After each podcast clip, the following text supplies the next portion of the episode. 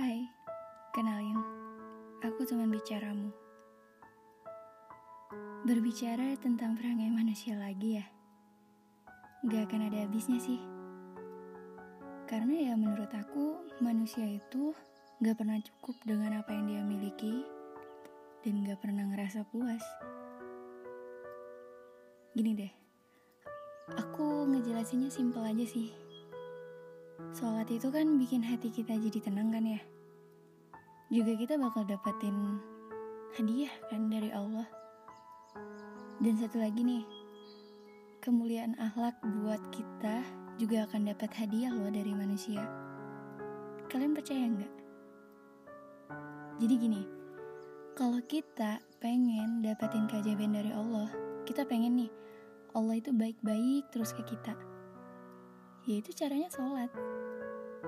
Dan kalau kita pengen lihat keajaiban dari manusia nih, contoh ya, tiba-tiba nih, ada banyak orang ngebantuin kita di saat kita punya masalah, atau kita lagi tertimpa musibah. Banyak kan? Terus ada lagi nih, tiba-tiba lagi musuh kita nih, musuh yang udah, apa ya, kalau aku sih bilangnya musuh bebuyutan gitu udah lama, terus seketika jadi sahabat kita. Pertanyaannya nih, musuh tiba-tiba bisa jadi sahabat itu kira-kira lewat apa coba? Ada yang bisa jawab? Ancaman? Bukan lewat ancaman. Karena ancaman gak akan ngerubah musuh menjadi sahabat. Menurut aku ya. Yang ada malah makin musuhan dong bahkan lebih buruk dari sebelumnya. Tapi gini nih, kalau kita punya akhlak yang mulia nih, jangan teman dekat kita. Musuhnya bisa jadi teman setia kita. Makanya nih, kalau kita pengen dapetin dua hadiah itu, dua keajaiban itu, dari langit dan dari bumi, ya caranya sih simple aja Hadiah dari langit kita jemput dengan sholat, hadiah dari bumi kita jemput dengan berakhlak mulia. Simple kan? Ya, kelihatannya sih emang simple. Kita tinggal sholat dan jadi orang yang sabar. Tapi faktanya, susah kan dilakuin.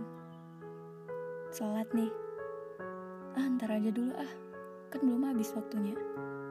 Nunda terus sabar. Aduh, kok aku belum-belum juga wisuda sih? Kok dosen aku tuh gini banget ya, kok gak dipermudah? Gimana mau jadi sabar kalau tiap hari aja ngeluh? Bener gak? Jadi, teman-teman sekalian, puncak dari segala akhlak mulia itu, ilmu yang sulit diterapkan itu adalah sabar. Bener nggak?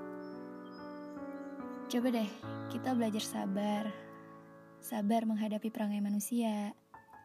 Sabar menghadapi berbagai macam model manusia. Belajar sabar juga terhadap gangguan orang lain. Termasuk teman kita sendiri ya. Apa kata Nabi?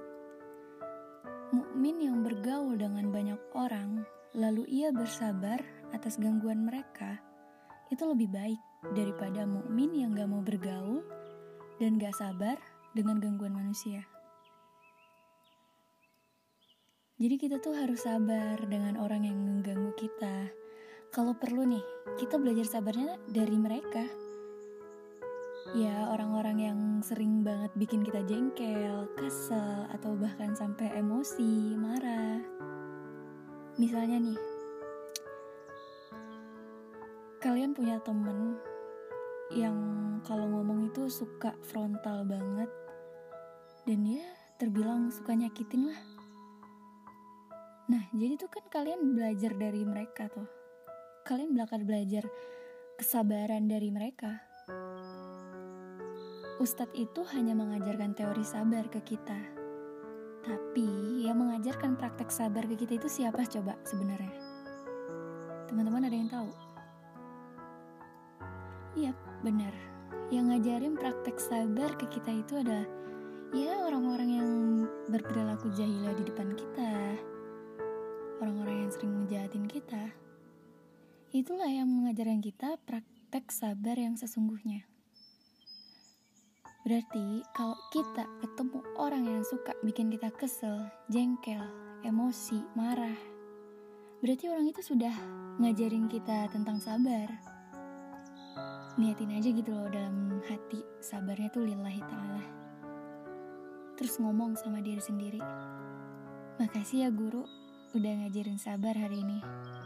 Terus senyum deh. Sesimpel itu sih. Buat kalian yang saat ini lagi ada masalah, yang mungkin punya beban juga, kayaknya kita bakal pelajari juga sih mana yang wajib kita jadi yang beban dan mana yang enggak. Gitu aja. Buat kamu, semangat ya. Semoga setelah ini kamu jadi orang yang kuat dan bisa ngejalanin semuanya. Amin.